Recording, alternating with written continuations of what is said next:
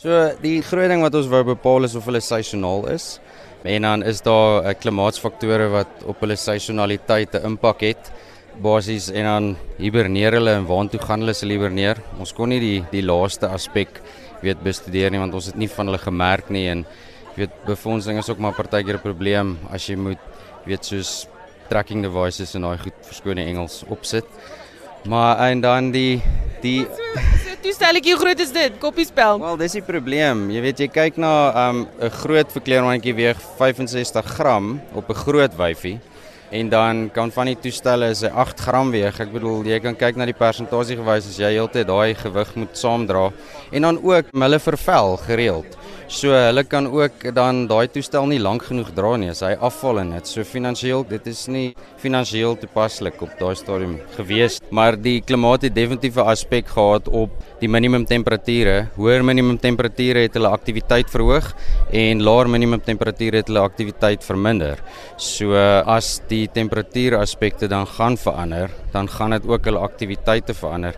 En die temperature en die reënval het definitief 'n invloed gehad op die insek aktiwiteite wat hulle dan opvoer en dan die uitgebroeide kleintjies. Hulle is afhanklik van hoë reënval want hulle bly in daai neste met daai harde grond om dit vir die hele jaar. So as dit nie reën en die grond raak nie sag nie, dan kan hulle uitbroei binne in daai nes en hulle kan nooit uitkom of uitgrawe nie. Dit raak 'n groot probleem dan. So as jy nie genoeg reënval het nie of 'n droë jaar het, kan jy definitief baie minder kleintjies hê op die einde van die dag wat gaan uitbroei. En in die omgewing waar hulle basies gevind word, predasie en daai goeters is baie hoog. So as jy 'n lae aspek van kleintjies het wat gaan uitkom, gaan die predasie faktor definitief 'n invloed op die populasie hê. So ons kan nou nog nie sê nie, maar gaan ons op 'n stadium of sien ons klaar dat hulle bedreig is? So sake nou staan, jy weet, habitat Nie hierdie spesifieke spesies nie. Hulle is redelik volop in Suid-Afrika en ook uh, soos ek gesê het in my voorlegging tot noord van die Ewenaar word hulle ook dan opgespoor en tot in Kenja en daai areas. Um, maar ek weet uh, ander verkleermannetjie spesies in Suid-Afrika soos jou dwergverkleermannetjies is endemies en hulle is ook opgedeel um, in baie area gebiedsgebonde dele en dan ook so benoem.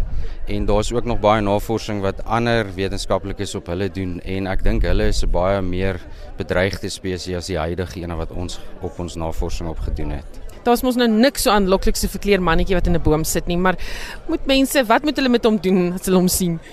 Los hom net daar. Daar's ook gevalle waar hulle verkleer mannetjies langs die pad verkoop, veral op pad Sun City toe en daai goed. Die groot probleem met dit is is mense dink hulle doen hom 'n guns en laat hom gaan, maar op die einde van die dag betaal jy daai persoon om net nog een te gaan vang. So eintlik maak mense die probleem erger. En jy weet los hom in sy natuurlike habitat om op jou gordyn te sit en motte te vang soos baie mense al vir my gesê het, dis net nie aanvaarbaar nie. Dit dit werk nie.